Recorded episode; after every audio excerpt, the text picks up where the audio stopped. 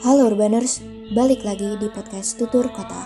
Kali ini kami akan mengangkat segmen Misteri Sudut Kota yang akan membahas tentang kisah-kisah misteri serta keganjilan dimensi lain kota. Stop senyum-senyum, tutup pintu rapat-rapat, dan selamat mendengarkan.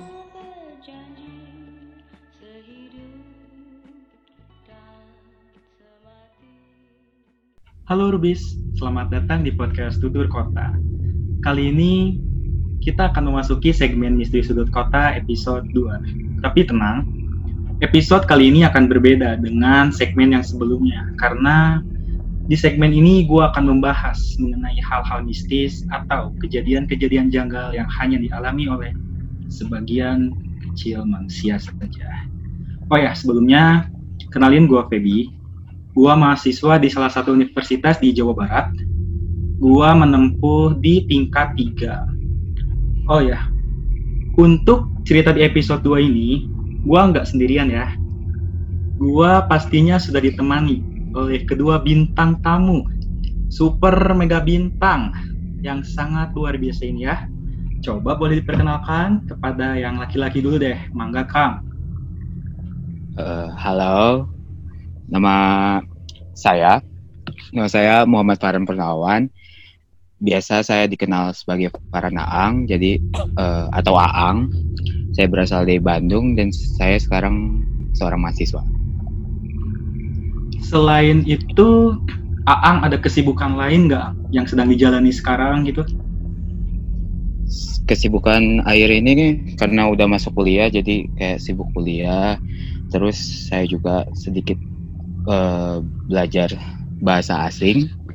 Terus juga hmm. saya kadang juga uh, bantuin usaha ibu. Wow, keren ya anak muda mau ngebantuin usaha ibunya. Oke, ini nih kalau ya bintang tamu satu ini, ini bakatnya dia itu emang jago nih. Coba denger ya. Gimana teh, Mangga kenalkan ke Urbis Urbis ini. Halo guys. uh, kenalin namaku Alia uh, dari Bekasi. Sekarang aku lagi menjalani kuliah juga sama.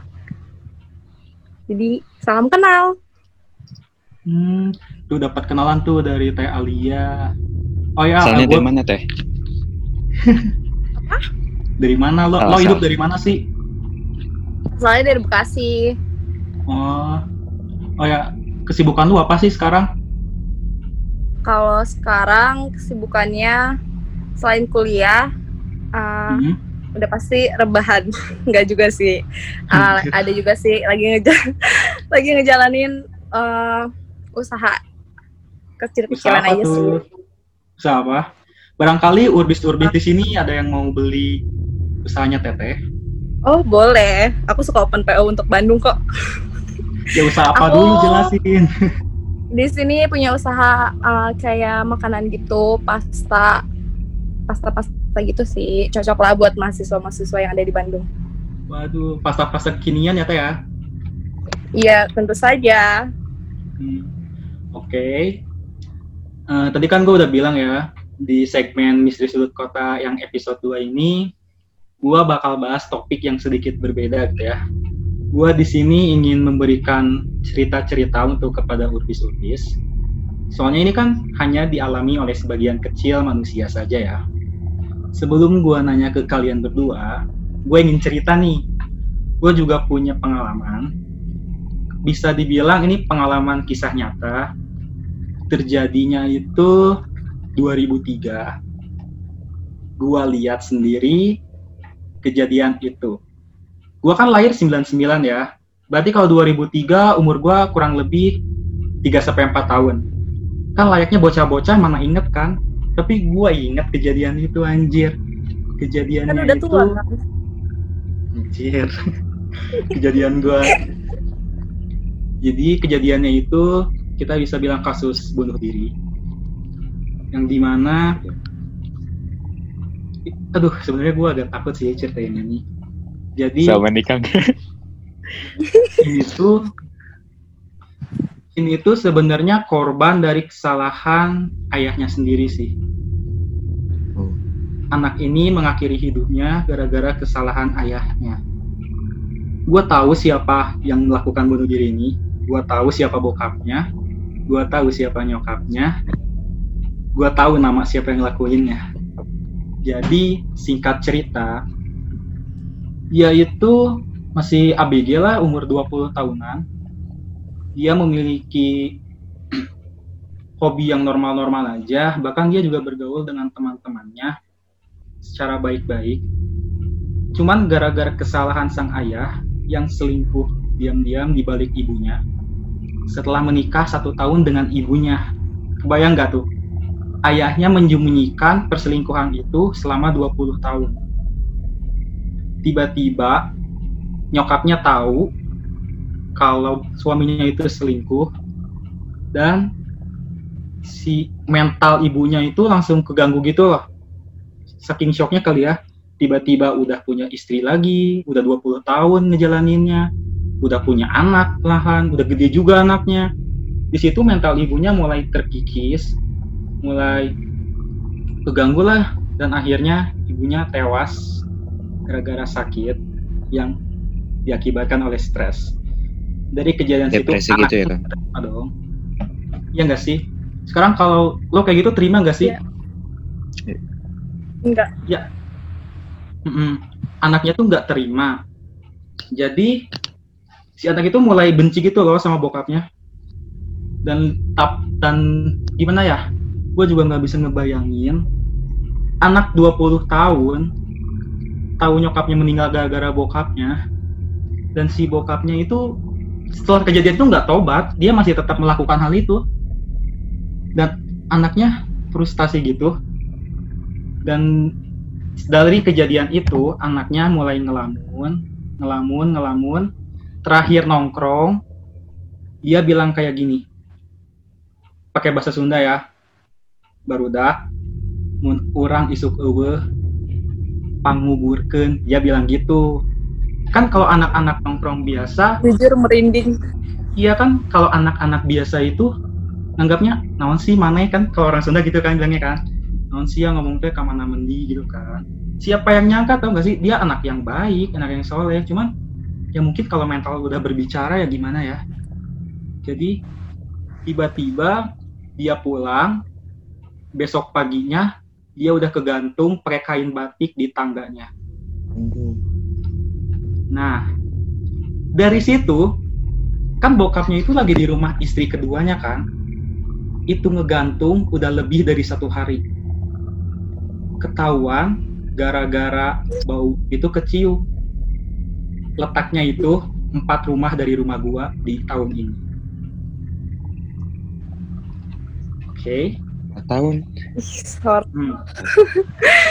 pada Gak bisa 2000 bayangin. itu gua nih gua sama nyokap gua ya karena masih polos gua ya gua kira apa nih rame-rame?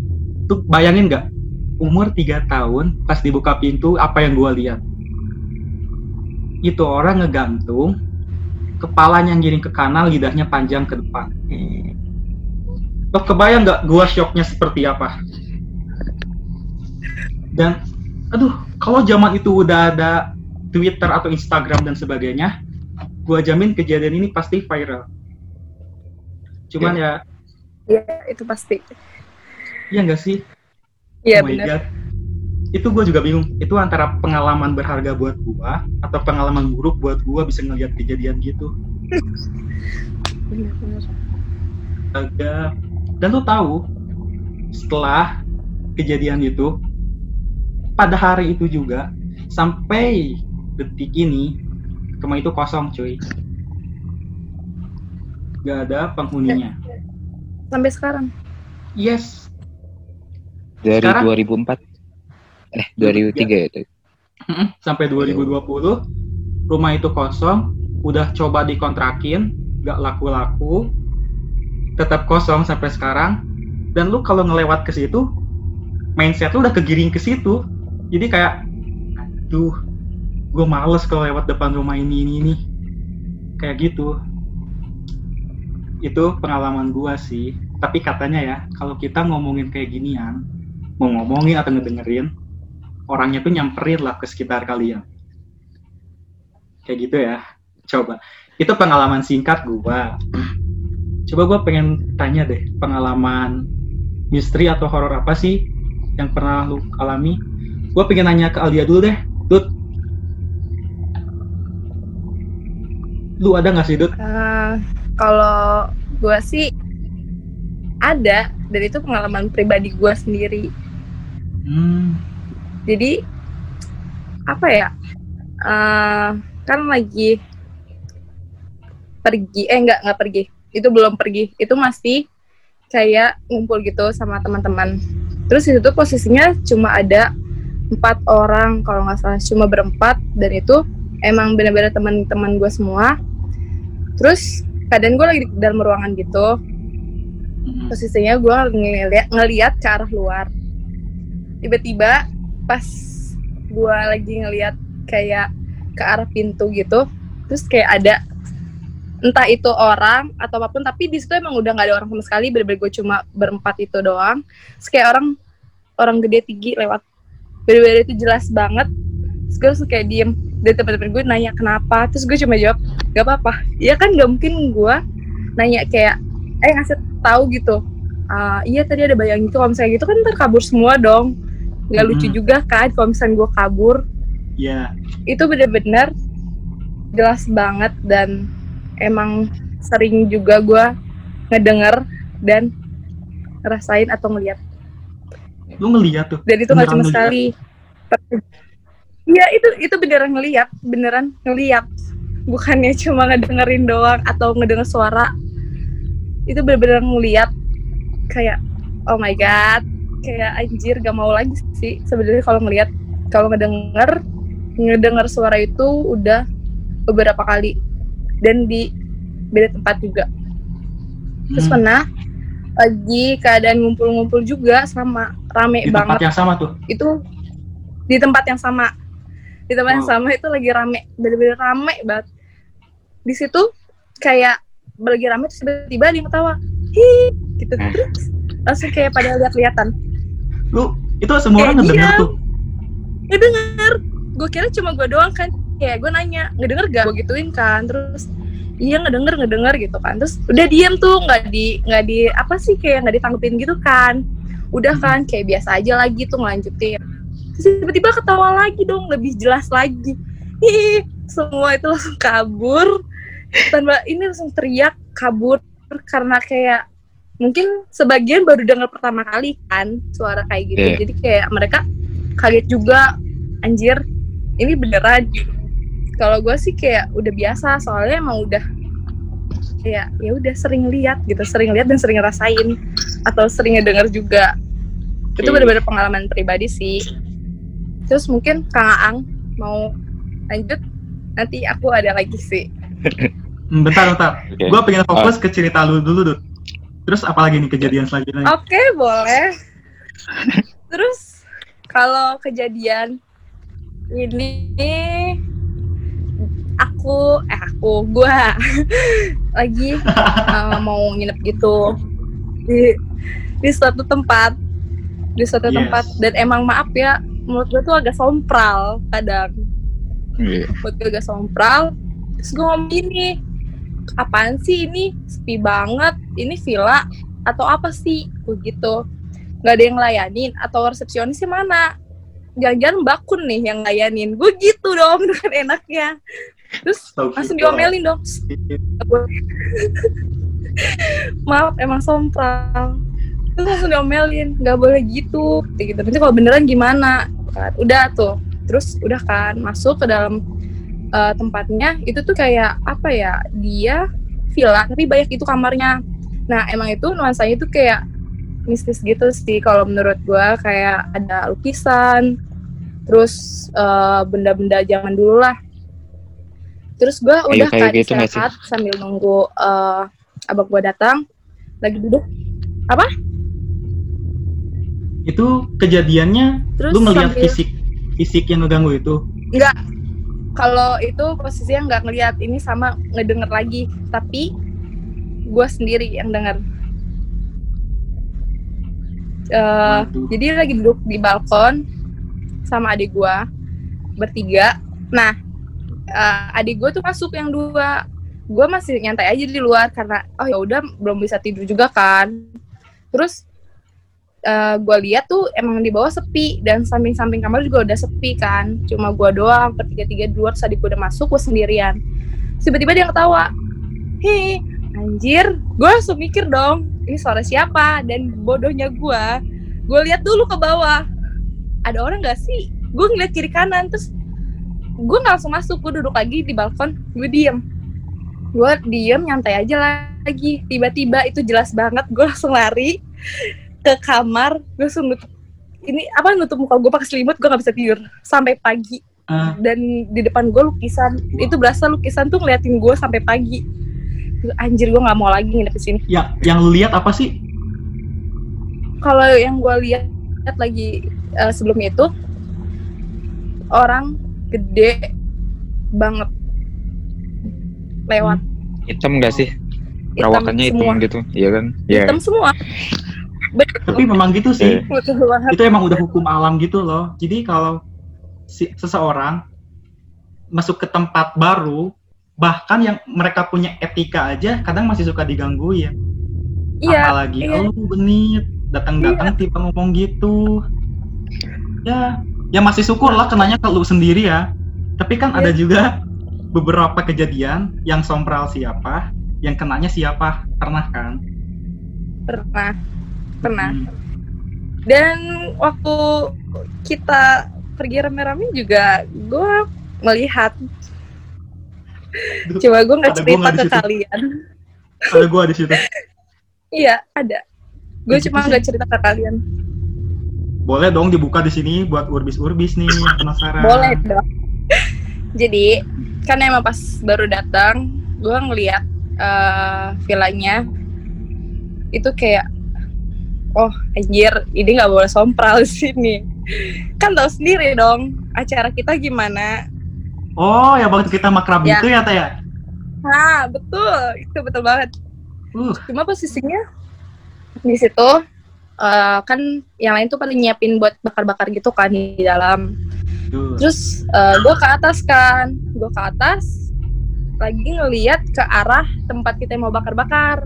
Di situ cuma ada beberapa orang lah. Terus gue langsung ngeliat ke arah sana itu bener-bener kayak putih-putih, bukan cahaya, emang bener-bener lewat.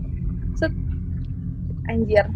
Gue sedih tapi di situ nggak bercerita siapa-siapa. Makanya gue juga nggak bisa tidur kan sampai pagi. Soalnya kayak nggak anjir serem banget ini. Terus uh, gue cuma cerita ke salah satu orang di situ. Karena nggak mungkin gue diem sendiri dong karena gue juga takut sebenarnya. Karena gue takut terus akhirnya gue langsung masuk ke dalam ngumpul lagi ya sama yang nyiapin buat bak buat bakar-bakar karena gue gak mau ngelihat atau mendengar kedua kalinya di tempat itu. Makanya gue takut pas ada yang sompral dikit gue agak-agak ngeri. Karena lu udah lihat itu ya? Iya, untuk karena gue udah lihat gitu kan, daripada nanti aneh-aneh gitu kan gak lucu, anjir. Tiba-tiba ya. yang kesurupan. Gue juga punya Kacau. sih pengalaman gitu pas kita lagi bareng-bareng.